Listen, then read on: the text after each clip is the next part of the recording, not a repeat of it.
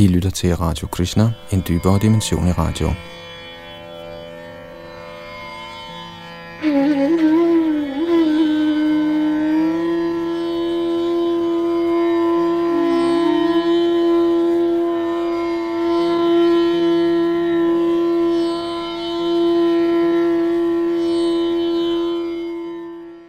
Vi skal til tekst 37 i 11. bogs 3. kapitel her i Srimad Bhagavatam. Og her er det en samtale mellem kong Nimi og de ni yogendraer, sønner af Rishabdev, som vi hørte om i Srimad Bhagavatams 5. kanto. Diskussionen mellem kongen og de ni yogendraer handler i høj grad om hengiven tjeneste til Guddoms højeste person, Krishna. Bag mikrofon og teknik sidder Yadunandan Das.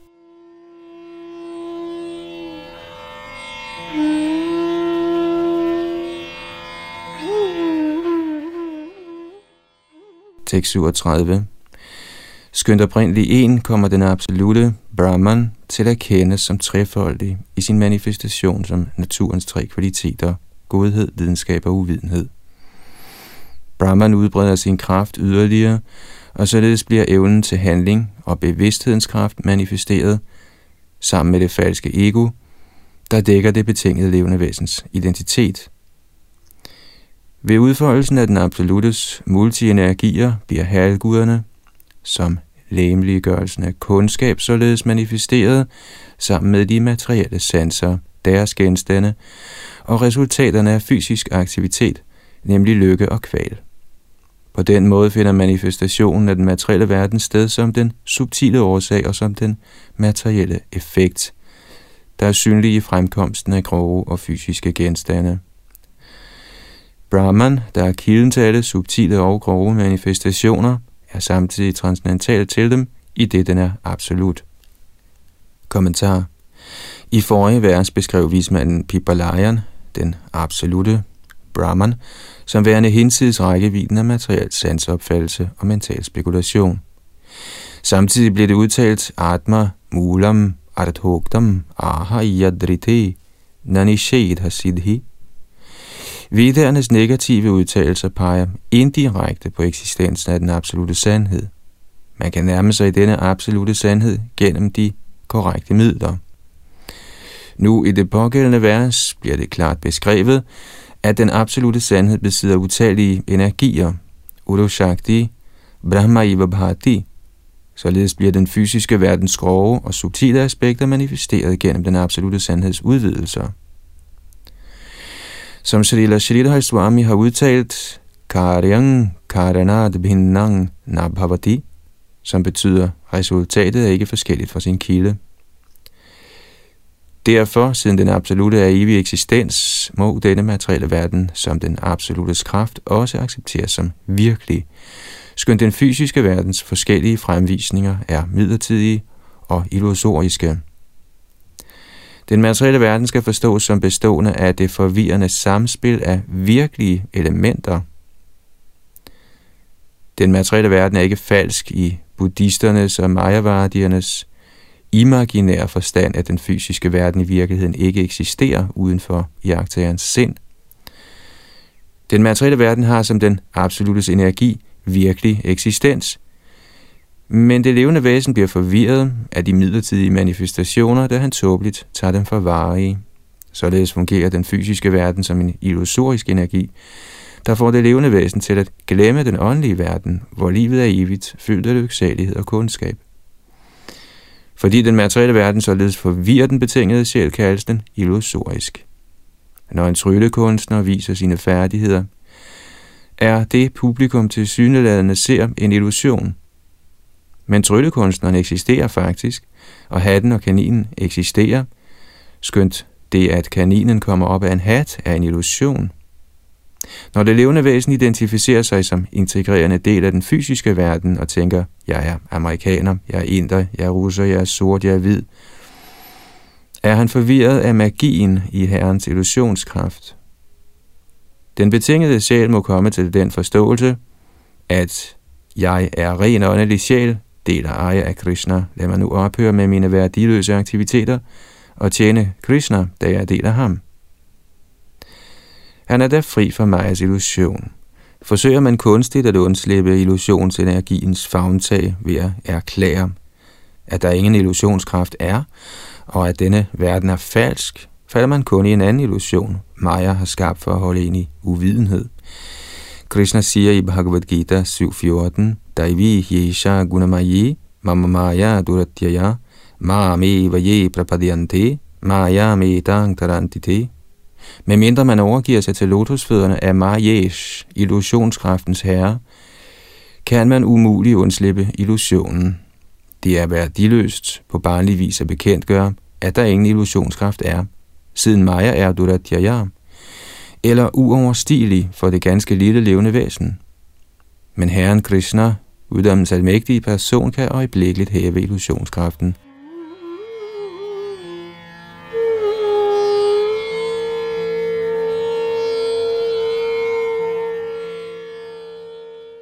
I dette vers bliver den materielle verdens udfoldelse fra Brahman, den absolute, beskrevet.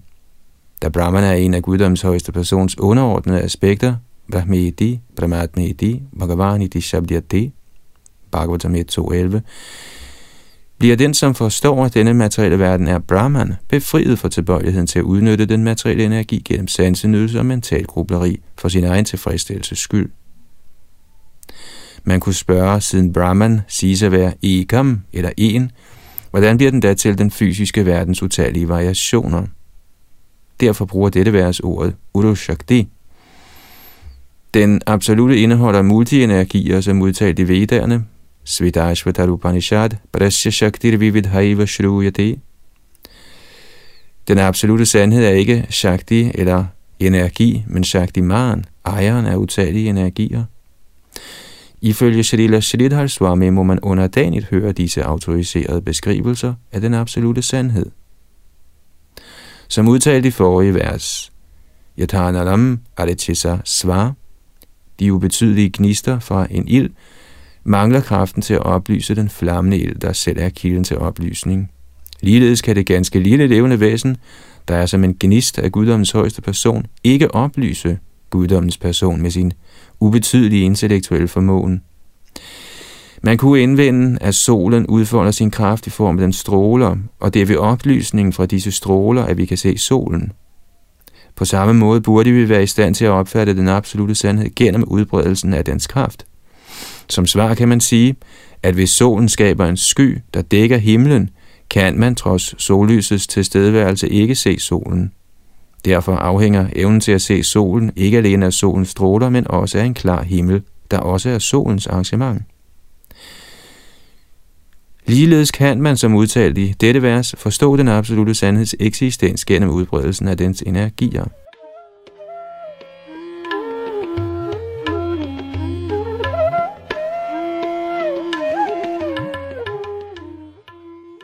Skønt sansernes og sindets evner i sidste vers blev afvist, informerer de her givende, autoriserede beskrivelser os om, at man direkte kan opfatte alt, som er til, som guddommens persons energi. Med hensyn til dette råde Narad Muni kong Prachina Bharhi, som følger, Atastad Apavadhartham, Vajasarvat Manaharim, Pashyang Stadaatmakang Vishvang, Stitiutpatyapyaya yataha. Citat. Du skal til enhver tid vide, at denne kosmiske manifestation er skabt, opretholdt og tilindegjort ved guddommens højeste persons vilje. Følgelig er alt i den kosmiske manifestation under Herrens kontrol. For at blive oplyst af denne fuldendte viden, må man altid være beskæftiget i Herrens hengivne tjeneste. Citat slut. Bhagavatam 4, 29, 79. Som udtalt her, Vajjasaravat Harim, man må tilbede guddommens højeste person, sådan at ens bevidsthed bliver klar og ren, ligesom den klare blå himmel, i hvilken den mægtige sol til fulde kan ses. Når man ser solen, ser man øjeblikkeligt solens stråler i deres fulde kraft. Ligeledes bliver ens sind renset for materielle urenheder, hvis man yder Krishna hengiven tjeneste, og således kan man se, ikke alene Herren, men også Herrens udvidelser som den åndelige verden, som de rene hengivne, som Paramatma, som den upersonlige Brahman udstråling, og som den efterfølgende skabelse af den materielle verden, Guds skyggerige, Charyeva, i hvilken alskens fysisk mangfoldighed bliver synlig.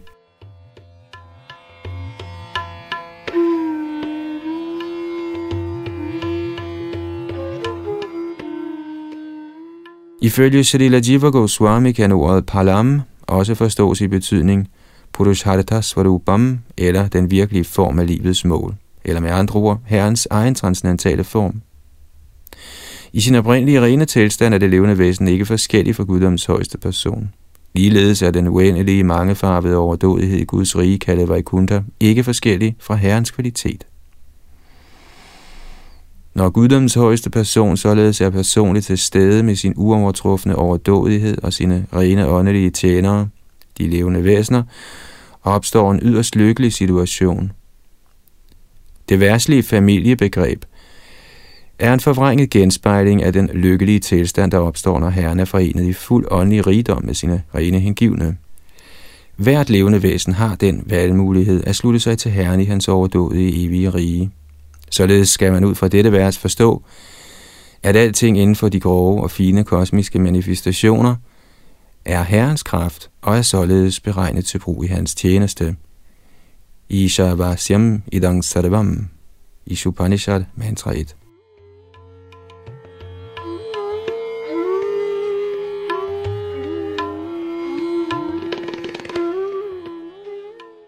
Shrila Jiva Goswami har givet en udtømmende forklaring som bevis for, at hele den kosmiske situation er den absolute sandheds naturlige energi.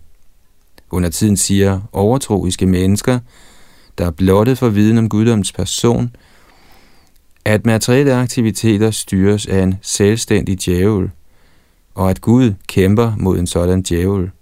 Sådan tæt uvidenhed om guddoms persons almægtige status kan fjernes ved, at man forstår indholdet i dette vers. Ligesom en gnist er en ganske lille udstråling fra en flammende ild, er alt, der er til, blot en ganske lille gnist af guddoms persons kraft. Herren siger derfor i Bhagavad Gita 10.42, Atavara bahunaitena kingjatena tavarajuna Vishtabhiha ham idanga kritsnam egang shenast hito jagat. Citat. Men hvad behov er der, Arjun, for al denne detaljerede viden? Med et enkelt fragment af mig selv gennemtrænger og opretholder jeg dette univers. Citat slut. Guddommens almægtige person er i virkeligheden hvert levende væsens velønder og ven. Sohridang sarvabhudanam, Bhagavad Gita 5.29. Derfor vil man, så frem man bliver nøgteren og forstår, at ens velønder og ven, Krishna, er altings endelige kilde og kontrollør, opnå endelig fred. Gyatva mang shanti mrichati. Frygt og illusion opstår, når man tåbeligt tænker, at sågar et atom i skabelsen ikke er guddoms persons kontrollerede energi. At benægte den fysiske verdens eksistens afføder også en yderst farlig tilstand af illusion. Begge typer ateisme, nemlig at se den materielle verden som tilhørende ens selv og derfor tiltænkt ens sansenydelse, samt at hævde den fysiske verdens ikke-eksistens, er ørkesløse forsøg på at undgå ens evige underordnede forhold til guddommens højeste person, der er den virkelige ejer og nyder af alt. Srila Jiva Goswami har citeret følgende spørgsmål, stillet af Shri Maitreya til Shri Parashar i Vishnu Purana 1.3.1.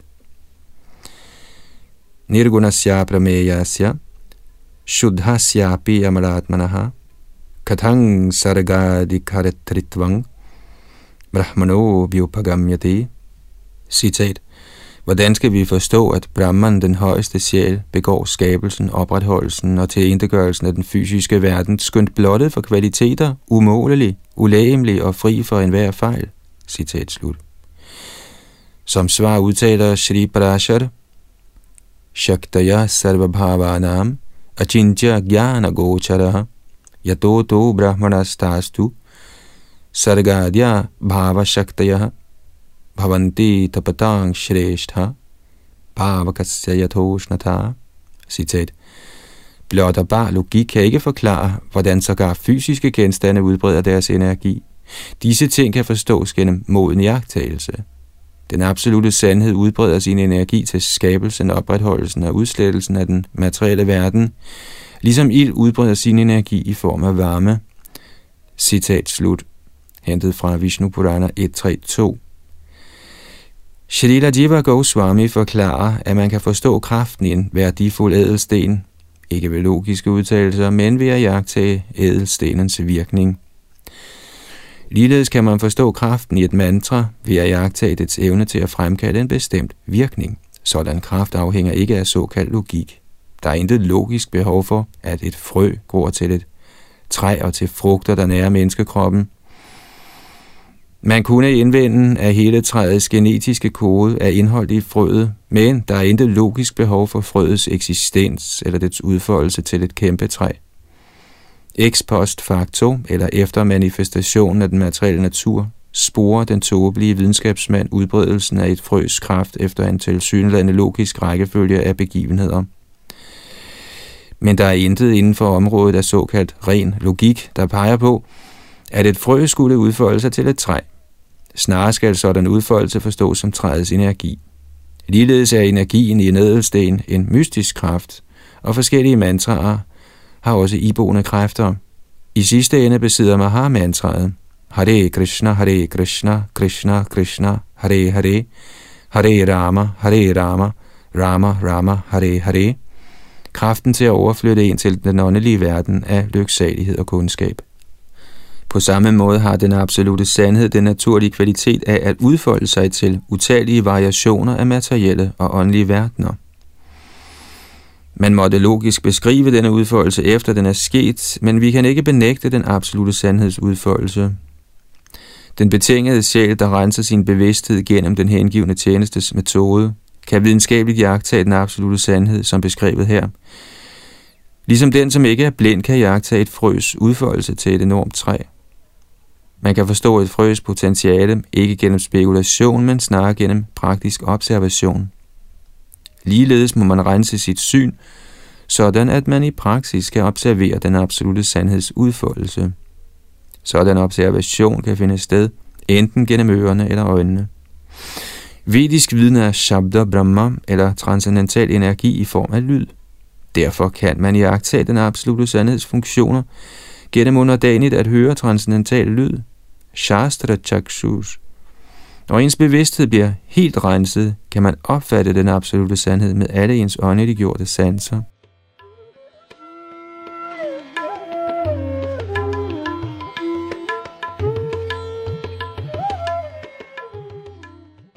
Den absolute sandhed, guddommens person, er blottet for materielle kvaliteter, såsom værslig godhed, lidenskab og uvidenhed, fordi han er et ocean af transcendentale kvaliteter, og har derfor intet behov for den fysiske verdens lavere kvaliteter.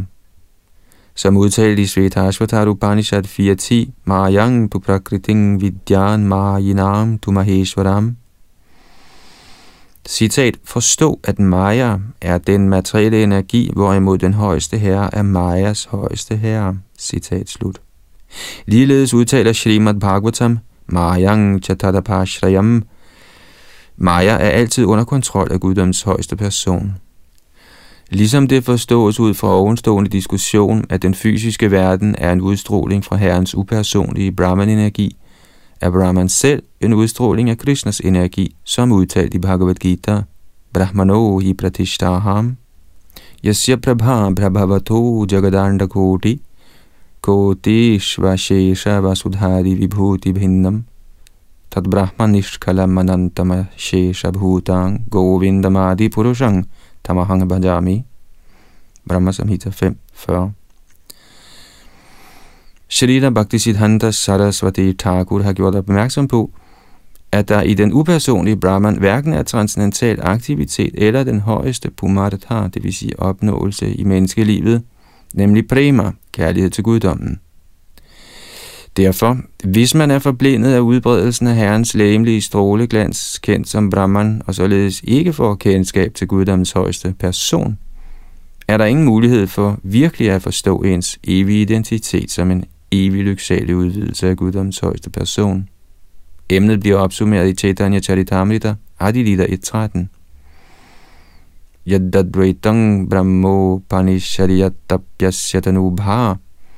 panishariyatapyasyatanubha yatmantaryami purjaiti so syang savibhava shadaishvarya purno yaiha bhagavan sasvayam mayam. Na chaitanyat krishna jagati paratatvam paramiha.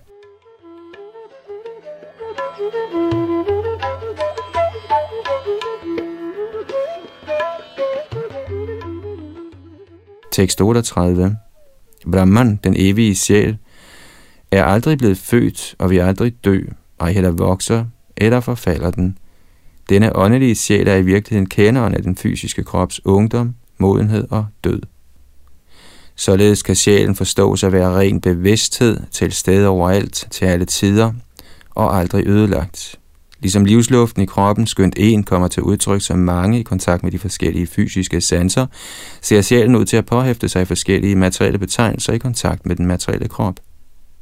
Kommentar den vediske aforisme Sarvang Kalvidang Brahma, eller Alting er Brahman, er blevet forklaret i dette kapitel i Bhagavatam. Guddommens højeste person er altings oprindelige kilde, ved at udfolde sin indre kraft manifesterer han den åndelige verden, og ved udfoldelse af sin ydre kraft manifesterer han det fysiske kosmos. Den betingede sjæl er oprindelig del og eje af Herrens højere indre energi, men siden han er i kontakt med illusionen, falder han i den ydre energis klør. Da alting under alle omstændigheder er en udvidelse af den højeste Brahmans energi, er alting del af eje Herrens åndelige energi. Vayang Ditya Binivesatasya Dishatapittasya Viparya smriti. Når et levende væsen tror, den fysiske verden ikke er del af ejer herrens energi, men er en adskilt eksistens, der kan kontrolleres og nydes af den ubetydelige jivasjæl, ligger han under for en fejlagtig opfattelse. Asmriti. Således glemmer det levende væsen, at den højeste herre er altings ejer, der alt er herrens udvidelse.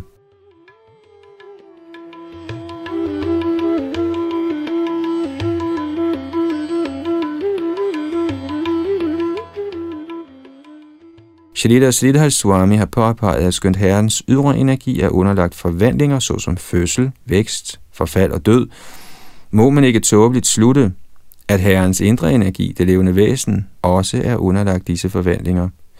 Både det levende væsen og den fysiske natur er i sidste ende Brahman, da de er udvidelser af den højeste Brahman. Men vedderne siger klart, Prasya Shakti Vivid Haiva Shruyate, Herrens energier er vividhar, mangeartede. Så ifølge dette vers, Natma jajana namarishyati, naidhate saunakshiyate, bliver sjælen aldrig født. Ej heller dør han, og han er så afgjort ikke underlagt vækst eller forfald ligesom en fysisk krop. Skønt den synlige fysiske krop gennemgår barndom, ungdom og alderdom, eller skønt man måtte fødes som halvgud, menneske, plante eller dyr, ændrer den åndelige sjæl aldrig sin evige naturlige stilling. Snarere identificerer han sig fejlagtigt med det fysiske lægemes ydre omdannelser, og påtvinger således sig selv en psykologisk tilstand, der kaldes illusion.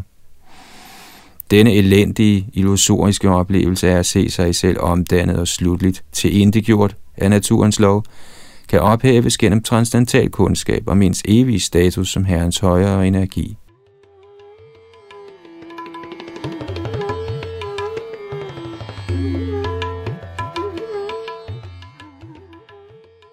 Ordet Sadavatra i dette vers må ikke tåbeligt fejlfortolkes som betydende, at den individuelle diva sjæl er alt gennemtrængende.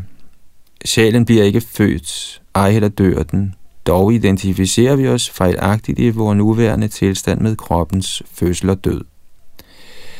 Så fordi en alt gennemtrængende sjæl aldrig kunne underlægges illusion, kan Sadavatra ikke betyde, at den individuelle sjæl er alt gennemtrængende.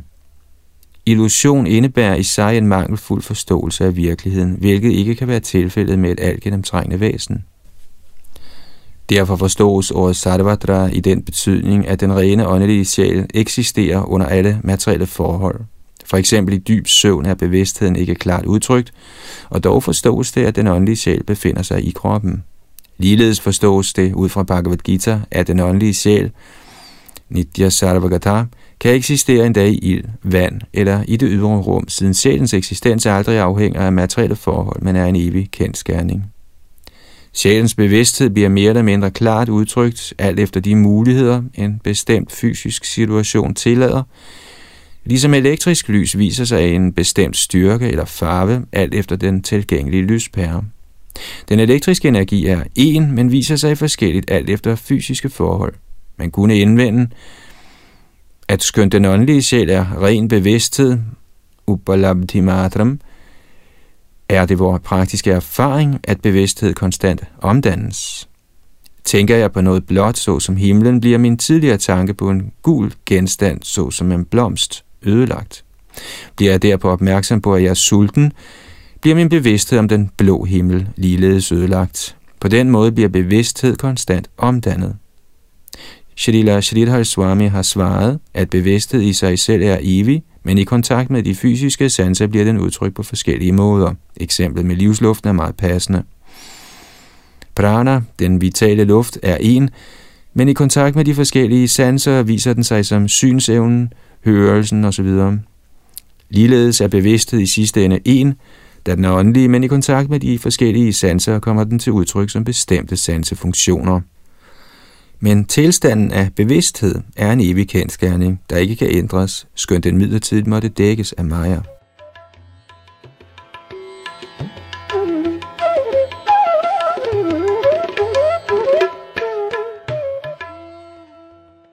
Når man bliver Krishna-bevidst, forstås man at være dhira. Dhiras tatrana muhyati, Bhagavad Gita 2.13. Der er man ikke længere underlagt forvirringen af fejlagtigt at identificere sin bevidsthed med den fysiske naturs omdannelser. Fra udtalelsen Tatvamasi, som man finder i Chandogya Upanishad, forstås det, at åndelig viden ikke er upersonlig, men indebærer en gradvis opfattelse af den rene åndelige sjæl inden i den fysiske krop. Ligesom Krishna i Bhagavad Gita gentagende gange siger aham, eller jeg, bruger denne vediske aforisme ordet dvam, eller du, for at vise, at ligesom den absolute sandhed er guddommens højeste person, er den individuelle gnist af Brahman, Tat, også en evig person, Tvam. Derfor skal det ifølge Jiva Goswami forstås, at den individuelle gnist af Brahman er evigt bevidst. Vishwanath Chakravarti Thakur har en videre gjort opmærksom på, at i stedet for at spille tid med at prøve at forstå sandheden i dens upersonlige aspekt, der kun er benægtelsen af midlertidig materiel variation, skal man forsøge at forstå sig selv som et evigt bevidst væsen i jiva-kategorien. Man må med andre ord forstå, at man er en evigt bevidst tjener af guddommens højeste person –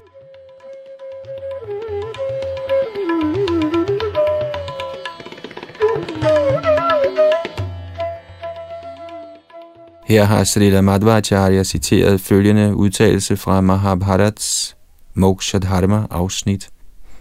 Ahang hi jiva sangyo vai mai jiva sanatanaha vang tvayanu mantavyang drishto jiva mayetiha ahang shreyo vidhasyami yathadikaram ishvaraha.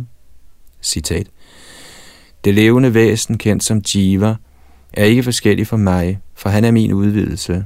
Således er det levende væsen evigt, ligesom jeg er, og eksisterer altid inde i mig. Men du skal ikke kunstigt tænke, nu har jeg set sjælen. Snarere vil jeg, som guddoms højeste person, skænke dig denne velsignelse, når du faktisk er egnet. Citat slut.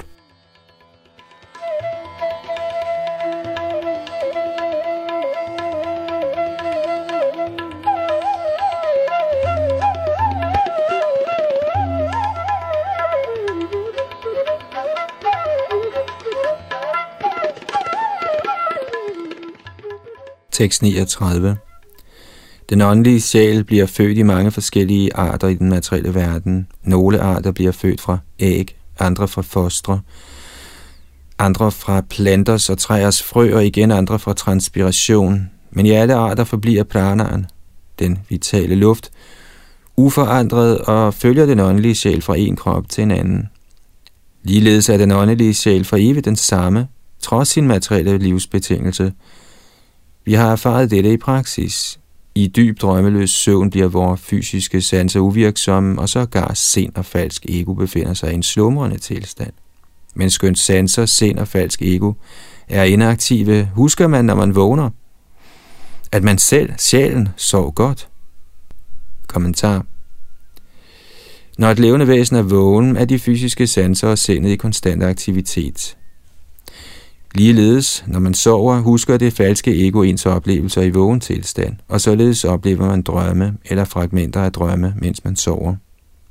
Men i tilstanden af prasupti, dyb søvn, bliver både sind og sanser uvirksomme, og det falske ego husker ikke tidligere oplevelser eller ønsker. Det subtile sind og det falske ego kaldes linga sharira, eller den subtile materielle krop. Denne linker sharira opleves i form af midlertidige materielle betegnelser såsom Jeg er en rig mand, jeg er en stærk mand, jeg er hvid, jeg er amerikaner, jeg er kineser. En samlet illusorisk opfattelse af ens selv kaldes ahankar, eller falsk ego og grundet denne illusoriske livsopfattelse vandrer det levende væsen fra en art til en anden, som tydeligt forklaret i Bhagavad Gita. Den åndelige sjæl ændrer imidlertid ikke sin naturlige stilling af evighed, viden og lyksalighed, skønt sjælen midlertidigt måtte glemme denne position. For at nævne en analog situation, hvis man om natten drømmer, at man vandrer i skoven, ændrer en sådan drøm ikke ens faktiske position af at ligge hjemme i sin seng. Således udtales det i dette vers, Skudast Haashayamrate. Trods den subtile krops forvandlinger ændrer den åndelige sjæl sig aldrig. Srila Sridhar Swami har givet følgende eksempel til at belyse denne pointe. Ida vandang kalang sukam aham asvapsam nakinchita vedisham. Man tænker tit, jeg sov godt, selvom jeg ikke drømte eller var bevidst om noget. Det kan logisk forstås, at man ikke husker noget, man ikke har oplevet. Derfor, fordi man husker at have sovet godt, skønt hverken sind eller sanser oplevet noget, skal en sådan erindring forstås som værende en vag oplevelse af den åndelige sjæl.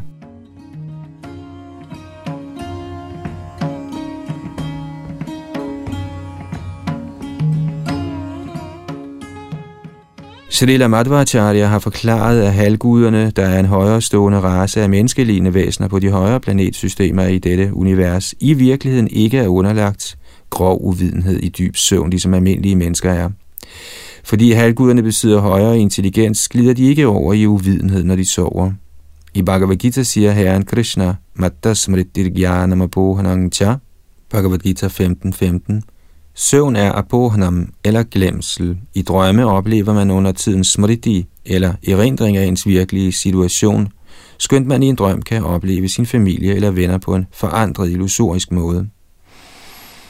Men alle sådanne tilstande af ihukommelse og glemsel skyldes oversjælens tilstedeværelse i hjertet.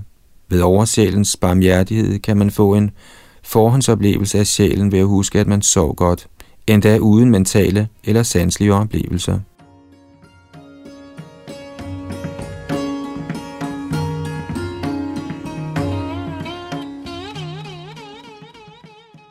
Ordet avinishchiteshu betyder ifølge de autoriserede kommentarer til dette vers Svedajeshu, eller født fra transpiration.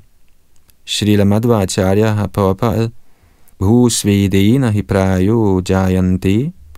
Jordens duk skal opfattes som jordens transpiration, og forskellige arter frembringes fra duk. I Mundaka Upanishad 3.1.9 bliver sjælens stilling i forhold til prana forklaret. Esho nuratma chetasa veditavyo yasmin prana panchadha sangvivesha pranaishchittam sarvam otam prajanam yasmin vishuddhe vibhavatyeshatma. Citat. Sjælen er atomisk i størrelse og kan opfattes gennem fuldendt intelligens. Denne atomiske sjæl flyder i fem slags luft. Prana, Abana, Vyana, samana og udana. Sjælen befinder sig i hjertet, og den spreder sin indflydelse over hele kroppen på de betingede levende væsener. Når sjælen er renset for besmittelsen fra de fem typer materiel luft, kommer dens åndelige indflydelse til udtryk. Citat slut. I de utallige arter forbliver sjælen således beliggende inden i prana eller den materielle livs luft.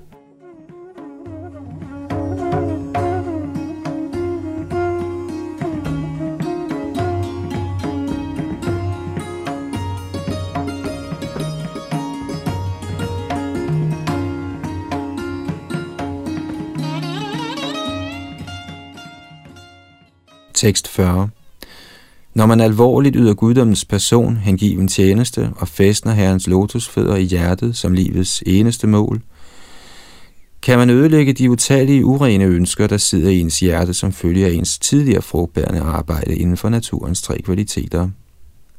Når hjertet er således renset, kan man direkte opfatte både den højeste herre og sig selv som transcendentale væsener.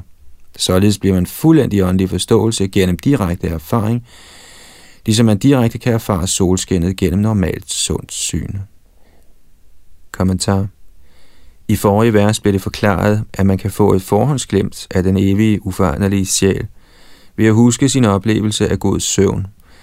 Endda mens både sind og sanser var helt inaktive.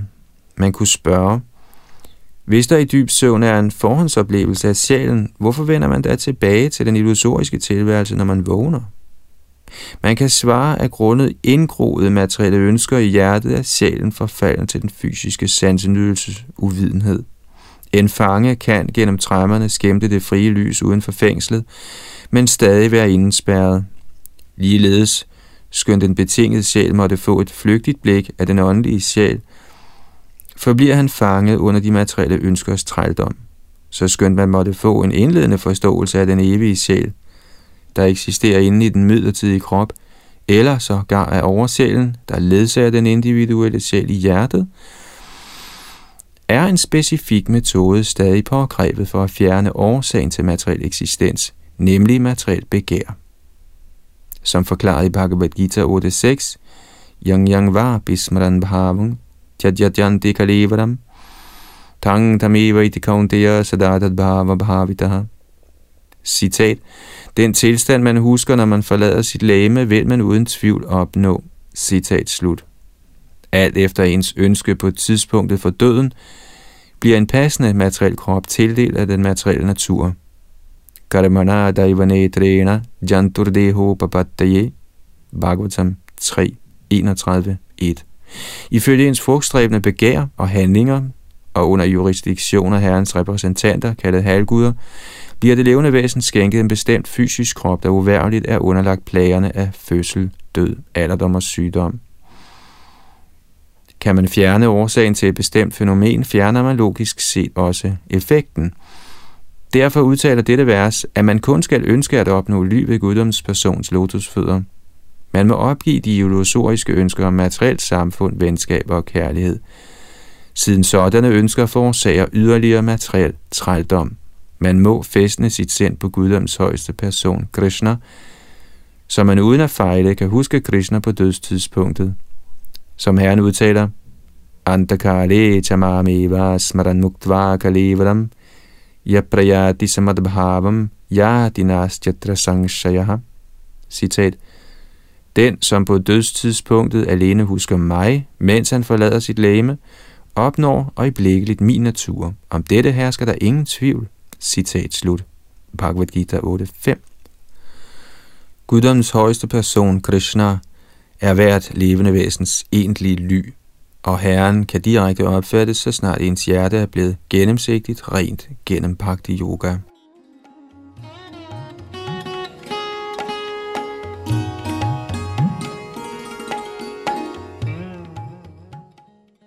Bhagavad Gita beskriver tilstanden til opnåelse af guddoms højeste person med ordene Tato Mahang Tattvato Gyatva Vishate Tadanantaram, og samtidig tænker upersonlighedstilhængere fejlagtigt, at disse ord er en beskrivelse af Brahma Sayujam, eller upersonlig sammensmeltning med Herrens eksistens.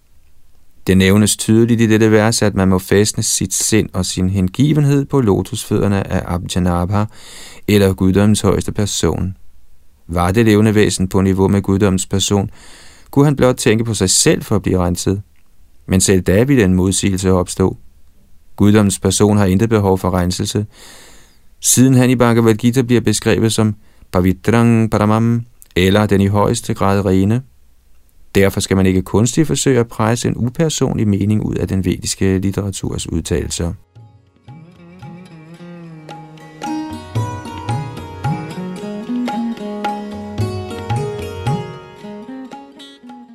Shalila Vishana Chakravarti Thakur har udtalt, at det fuldendte niveau af hengiven tjeneste omtalt i dette vers, kan ses i aktiviteterne hos sådanne store hengivne som Dhruva Maharaj.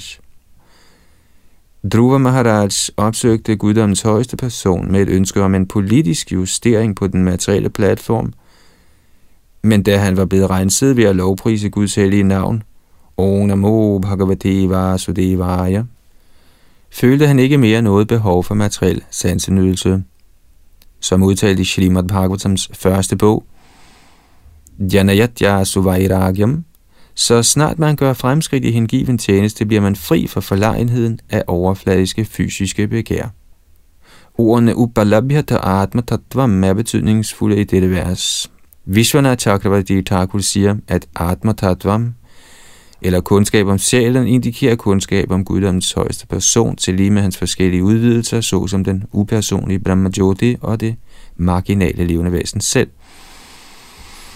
Som antydet her med ordet sakshat, betyder opfattelse af guddommens person at se Herrens personlige skikkelse, hans hænder og ben, hans forskellige transcendentale befordringsmidler og opvarter osv., Ligesom man gennem hengivelse til solguden gradvist kan opfatte solgudens personlige læme sammen med hans vogn og personlige tjenere.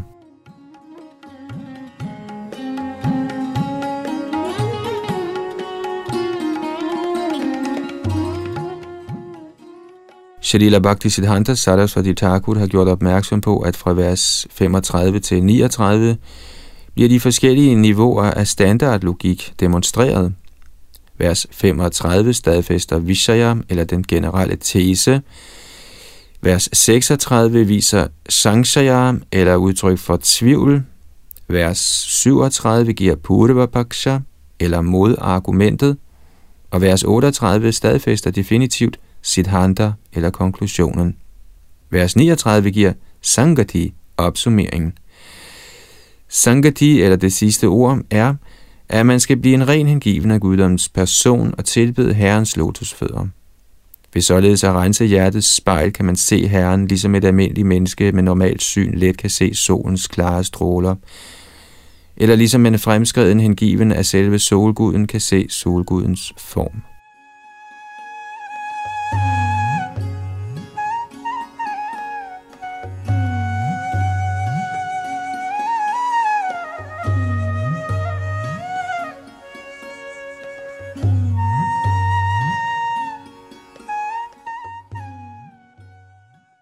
Tekst 41. Kong Nimi sagde, O store vismand, fortæl os venligst om karma yogaens metode.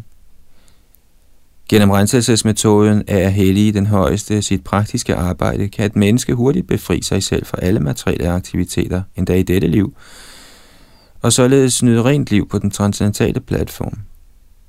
Kommentar Som udtalt i Bhagavad Gita 3.5, nahi kaschit kshanamapi jato tishthatya karma krit karyate yavashak karma sarva prakriti jair gunaihi.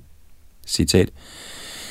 Alle mennesker tvinges til hjælpeløst at handle efter de impulser, der affødes af naturens kvaliteter. Derfor kan ingen afstå fra at gøre noget, end ikke i et øjeblik. Citat slut. Siden det levende væsen ikke kan forblive inaktiv, må han lære at hellige Herren sine handlinger – Srila Prabhupada kommenterer som følger på dette vers fra Bhagavad Gita, citat, Det er ikke et spørgsmål om læmeliggjort liv, men det er sjælens natur altid at være aktiv. Uden den åndelige sjæls tilstedeværelse kan kroppen ikke bevæge sig. Kroppen er kun et dødt befordringsmiddel, der skal køres af den åndelige sjæl, der altid er aktiv og end ikke for et øjeblik kan stoppe. Som sådan må den åndelige sjæl beskæftiges i Krishna-bevidsthedens gode arbejde – Ellers vil den være optaget af bestillinger, illusionskraften dikterer. I kontakt med den fysiske energi antager den åndelige sjæl materielle kvaliteter, og for at rense sjælen for sådanne samhørighedsfølelser er det påkrævet, at man lægger sig efter de pligter, Shastra påbyder. Men hvis sjælen er beskæftiget i sin naturlige funktion af Krishna-bevidsthed, er alt han er i stand til at gøre til hans fordel. Citat slut.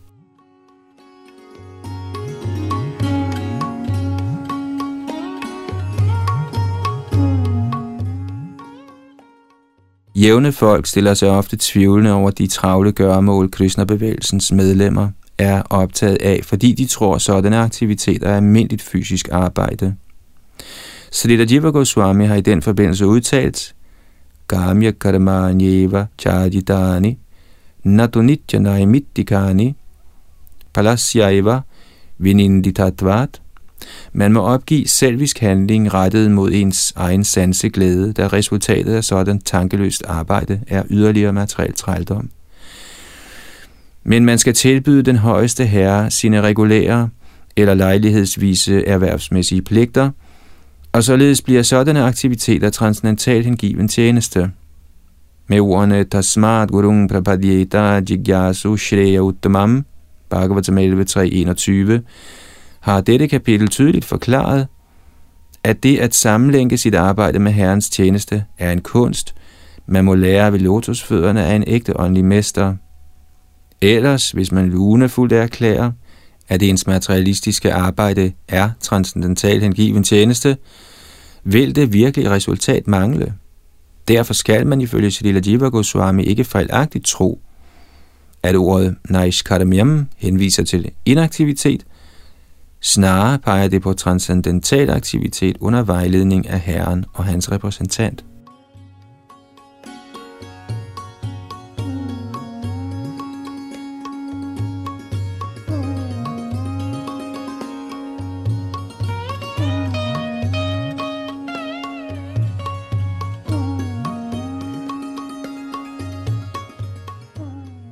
Tekst 42. En gang i fortiden, i tilstedeværelse af min far Maharaj Ikshvaku, stillede jeg et lignende spørgsmål til de fire store vismænd, der var sønner af herren Brahma. Men de besvarede ikke mit spørgsmål. Forklar venligst årsagen til dette. Kommentar. Ifølge Srila Sridhar Swami henviser Brahmana Putra, eller Brahmas sønner, til de fire Kumaraer under ledelse af Sanakarishi. Srila Madhvacharya har citeret et vers fra Tantra Bhagavata, der udtaler, at årsagen til det manglende svar fra herren Brahmas fire sønner, trods at de var Mahajanaer og kyndige i den hengivne tjenestes videnskab, var, at de klart ville vise, at selv de, der er kyndige i udviklingen af spekulativ viden, ikke kan forstå den virkelige videnskab om ren hengiven tjeneste. Srila Jiva Goswami har videre kommenteret, at vismændene undlod at besvare kongens spørgsmål, fordi kongen dengang kun var en ung dreng og således ikke mod nok til helt at forstå svaret.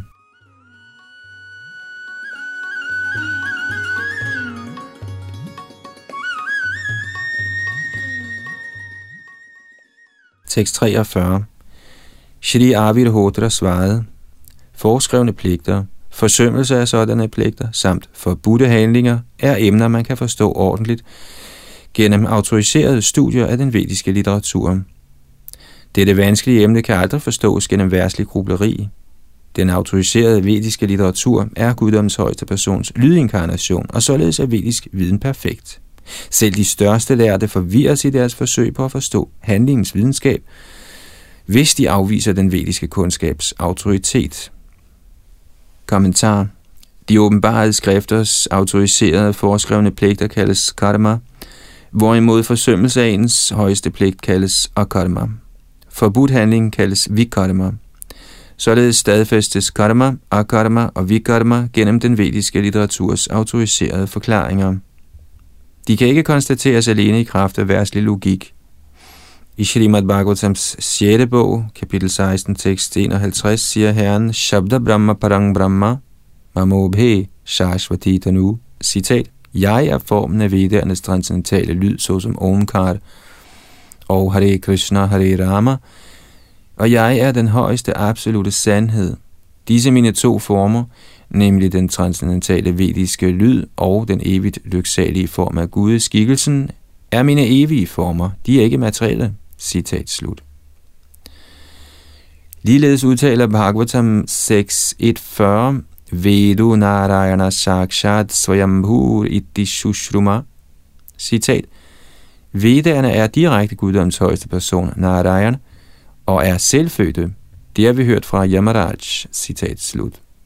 I Purusha Sukta, Rigveda, Mandala 10, Sukta 90, mantra 9 udtales det, Tasmad Yagyat Sarvahuta Richa Samani Jagjire Chandangsi Jagire Tasmat, citat, fra ham, Yagnya, kom alle offergaver, hymner til påkaldelse og lovsange.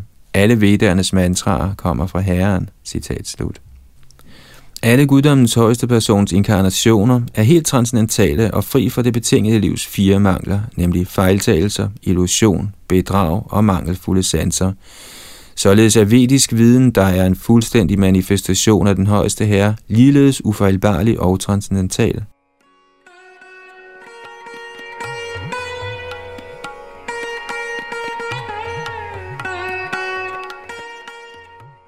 Shalila Bhakti Siddhanta Saraswati Thakur har påpeget, at i den materielle verden, der styres af herrens illusionsenergi, bliver en bestemt lyd kasseret, når den har beskrevet sin genstand. Men på den åndelige platform, kaldet Vaikuntha, går intet nogensinde tabt. Og således er Shabda Brahma, eller guddommens højeste person, i sin form som transcendental lyd evig. I almindelig samtale kan man konstatere betydningen af menneskelige ord ved at forstå talerens hensigt. Men siden vedisk viden er apaurosheya, eller transcendental, kan man alene påskynde dens betydning ved at lytte til standardautoriteterne i disciplerækken. Denne fremgangsmåde beskrives af Herren selv i Bhagavad Gita. Evang parampara prabdam, Bhagavad Gita 4.2. Således er sågar højt uddannede akademikere, der stolt afviser denne simple, nedadstigende proces, i høj grad forvirret og forfejlet i deres håbløse forsøg på at konstatere den vediske kundskabs endelige betydning. Herren Brahmas fire sønner undlod at svare på kong Nimis spørgsmål, da kongen dengang kun var et barn og således ikke i stand til seriøst at overgive sig til metoden af at lytte gennem disciplerækken.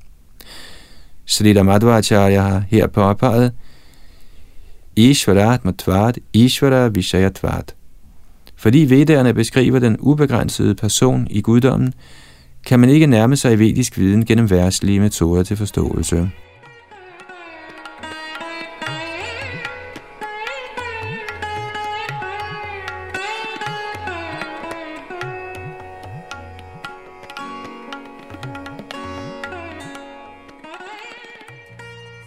Her holder vi for denne gang i vores oplæsning fra Srimad Bhagavatam Næste gang er det tekst 44 her i 11. bogs 3. kapitel, Befrielse fra den illusoriske energi. Bag mikrofon og teknik sad Yadunandan Das.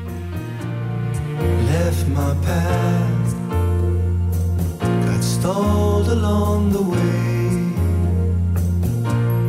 lost my voice, was fear I could hear them say, Now I'm wandering through this restless night. Could you spare some truth? Could you spare some light? Letting go, it's so hard to forgive. To love is learn to live.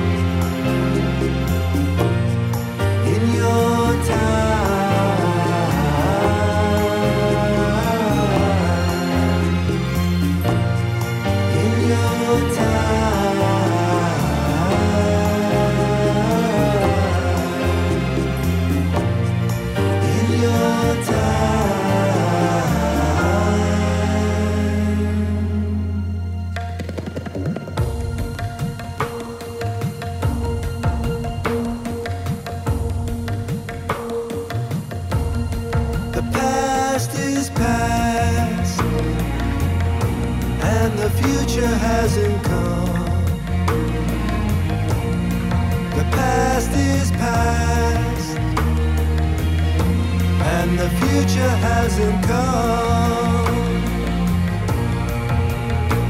I gotta drop them, drop them heavy guns. This life is like a dream, a theater of reality. Both the comedies and the tragedies, duality. I'm so lost on this foreign shore. How can I open that sacred door to eternity?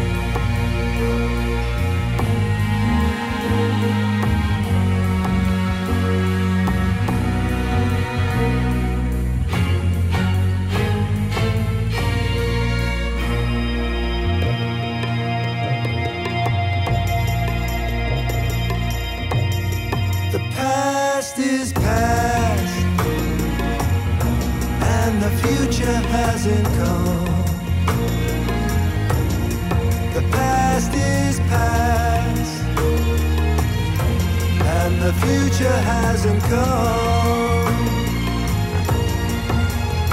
I gotta drop them, drop them heavy guns. Drop them, drop them heavy guns.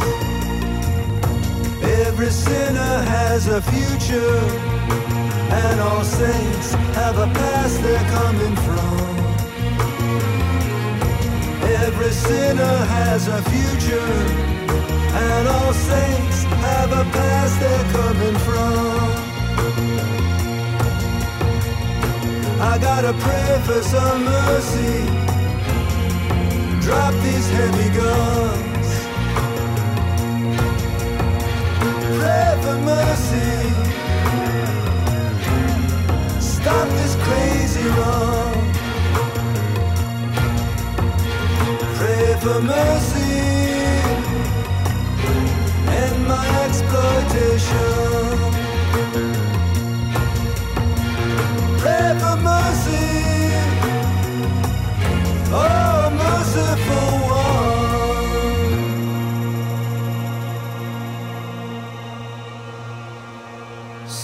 Searching for Sri Guru.